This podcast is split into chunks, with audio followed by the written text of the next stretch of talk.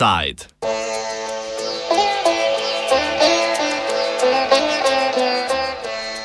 Evolucija turškega šolstva.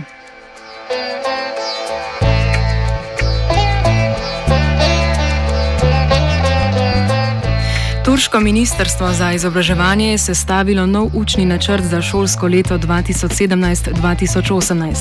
V prihajajočem študijskem letu ga bodo pričeli izvajati v prvem, petem in devetem razredu osnovne šole. Naslednje leto bo učni načrt prenovljen še za ostale razrede. Novi učni načrt pri predmetu biologija v vseh šolah izpušča poglavje o evoluciji. Ministr za izobraževanje Ismet Ilmas je, bi, je pri tem navedel razlog, da je teorija o evoluciji preprosto preveč kontroverzna in zapletena za učence v tej starostni skupini. Z Darwinom se bodo učenci lahko seznanili na univerzitetni ravni in sicer pri študiju biologije in filozofije. Sindikat delavcev v izobrazbi in znanosti Egitim Sen je že napovedal zahtevo za presojo ustavnosti te odločitve. Poleg opustitve teorije o evoluciji, nov učni načrt v verske šole imam Hatib uvaja tudi poglavje o džihadu kot ljubezni do domovine. Kot podarjajo islamski akademiki, džihad namreč ni le sveta vojna, ampak predvsem osebni boj proti grehu.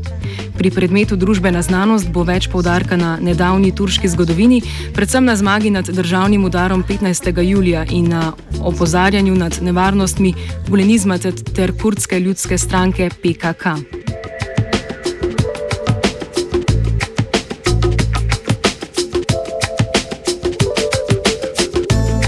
Reforme v učnem načrtu sledijo trendu, ki ga je leta 2012 začrtal turški predsednik Recep Tayyip Erdoğan z izjavo, da si želi v Turčiji vzgojiti pobožno generacijo. Razloži Svante Kornel iz Švedskega inštituta za varnostno in razvojno politiko. This is the deepening of a, of a long time existing tendency, uh, which really in, uh, in earnest began in 2012 with the uh, broad-ranging reforms of the Turkish uh, education system and, and, the curriculum, which is steadily moving towards a more religious content. Um, in, in, 2012, there were measures taken to introduce uh, both um, compulsory and mandatory cor- and elective courses into issues such as the uh, Prophet Muhammad, the uh, religious history, uh, and associated items such as Ottoman history and Islamic history, uh, which make it possible basically to um, uh, to have a, a, an education in secular school, but that is heavily religious in content. And now, over time, we're seeing gradually how also the curriculum in general is shifting away from basically the principles of the Enlightenment that were introduced by the Kemalist revolution in the 1920s, and we're seeing a return to the more general Middle Eastern style uh, religious based curriculum in Turkey.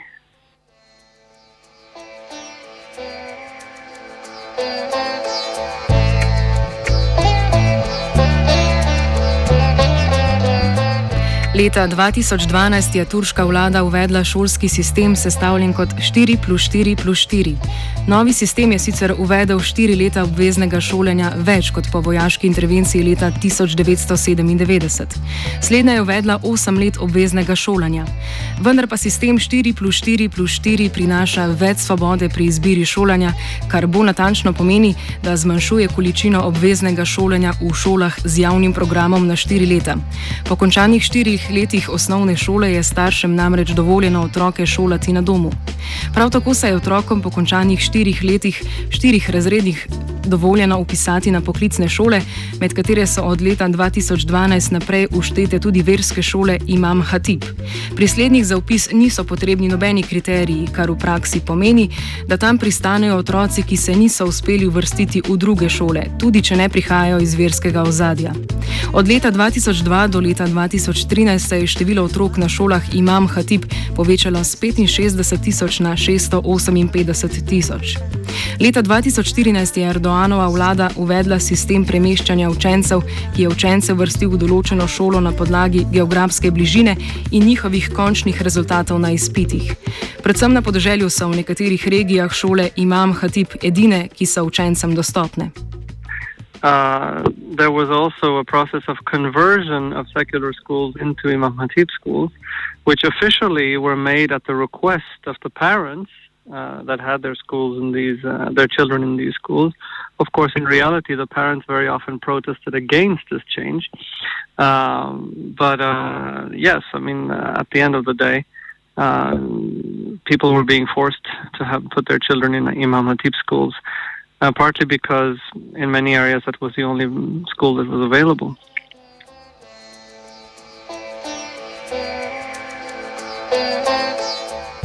Islamizacijo turškega šolskega sistema je moč razumeti na dva načina. Na eni strani se povečuje število šol imam hatib, s tem pa število učencev v njih. Na drugi strani se spreminjajo vsebine, ki jih poučujejo na posvetnih šolah.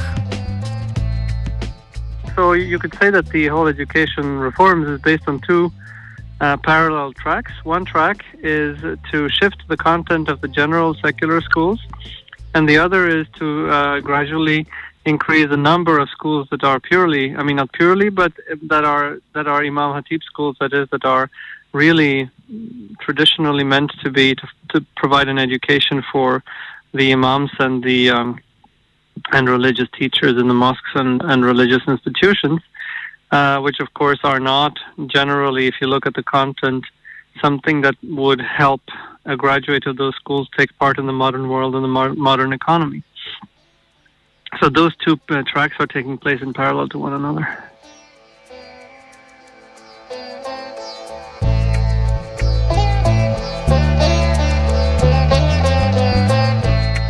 Vsaj na zakonski ravni je poskus preobrazbe turškega šolstva usmerjena osnovnošolsko in srednjošolsko raven.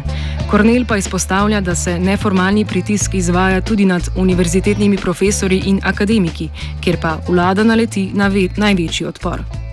Well, there are trends, of course, but the trends are of a different nature so far, which is uh, uh, also present in the general schools, which is the informal pressure mechanisms. And actually, I think uh, those are not seen because those are not the, the result of you know printed legislation.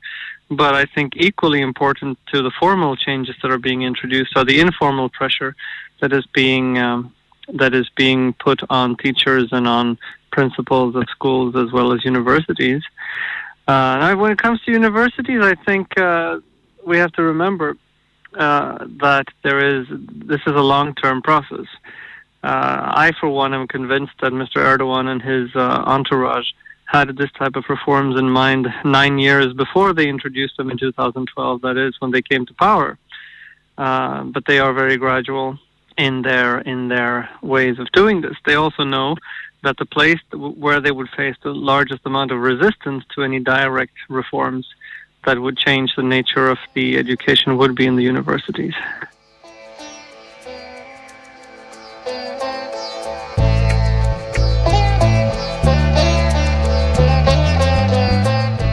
Pritisk na univerzitetne profesorje in učitelje se je pričel stopnjevati po zatrtju državnega udara. Tak pritisk se sicer v strukturi univerzitetnega izobraževalnega sistema kaže počasneje, vendar pa ima vseeno pomemben vpliv. There are unprecedented elements of pressure on Turkish universities in terms of the um, of the firing and the jailing of university professors and university administrators. Obviously, um, this means that when the incentive structure and also the hiring process at universities is changing so that people with a more religious background are going to be increasingly populating the uh, the university positions, especially I think to start with administrator positions, but also down the road also um, teaching positions. Obviously, that takes a longer time because you you can't just very fast produce people who have the academic credentials to be university professors. But over time, of course, I think this is what we're going to see.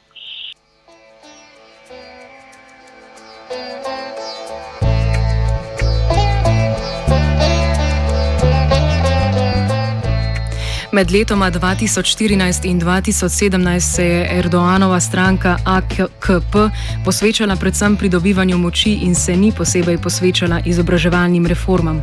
Po zatrtju državnega udara julija lani in po zmagi na ustavnem referendumu aprila letos se ponovno začenja posvečati preobrazbi turške družbe, s tem pa tudi šolstva. between 2014 and the present, that was a period when the government was really mainly uh, focused on uh, the internal political struggles and on uh, securing the control over the apparatus of government and purging the rival Gulenist groupings from from the uh, system of the state, which means that there was not a lot of time for these type of reforms. But uh, what is interesting to me is that when there was uh, during the time of the referendum this spring, there was, so to speak, a debate where a lot of people were saying that Mr. Erdogan was just utilizing this anti-Western uh, and religious language for electoral purposes, and he would calm down and, so to speak, go back to a positive relationship with the Western partners once he had secured the victory in the referendum. Uh, I never thought that was the case because I don't think that Mr. Erdogan is just acting out of, you know, political convenience, but because he has a deep, deeply seated agenda. Uh, and therefore, I fully expected that these type of reforms would continue and accelerate, so to speak, that the uh, after Mr. Erdogan felt more secure in his position, he would accelerate, not slow down, the process of Islamization of the Turkish state and society.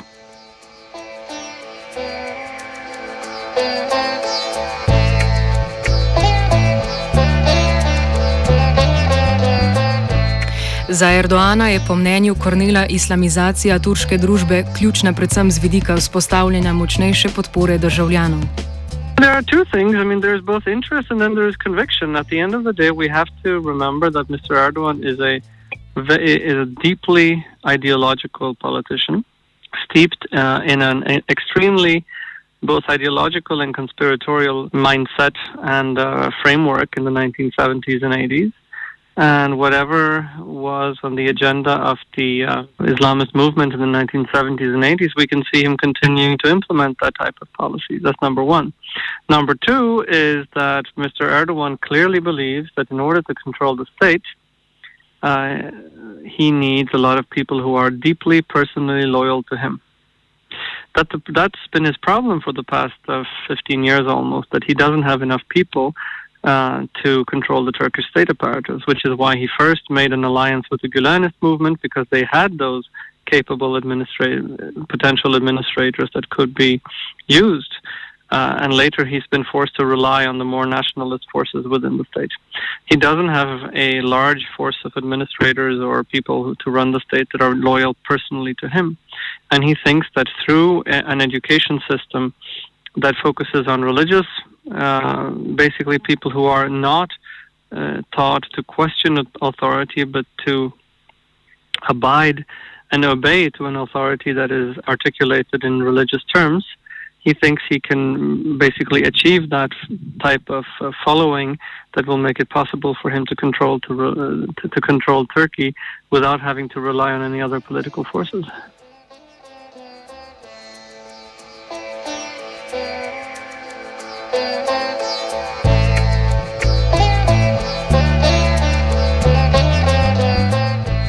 V zaključku današnjega offsajda Kornel izpostavi, da je ukinjanje sekularizacijskih ukrepov začetkom v ustanovitvi Turške republike pod Ataturkom že odnegdaj cilj turškega islamskega gibanja. Islamizacija turške družbe skozi šolstvo je obenem urodje za doseganje cilja in cilj sam po sebi. But it's both a tool and a, and a, and a goal in its own right. Uh, the, the, the rollback of the reforms that Ataturk introduced in the 1920s has always been the major uh, goal of the Turkish Islamist movement, and they are now achieving that gradually. Which means that gradually, you, what you can talk about is a deconstruction of the Turkish Republic.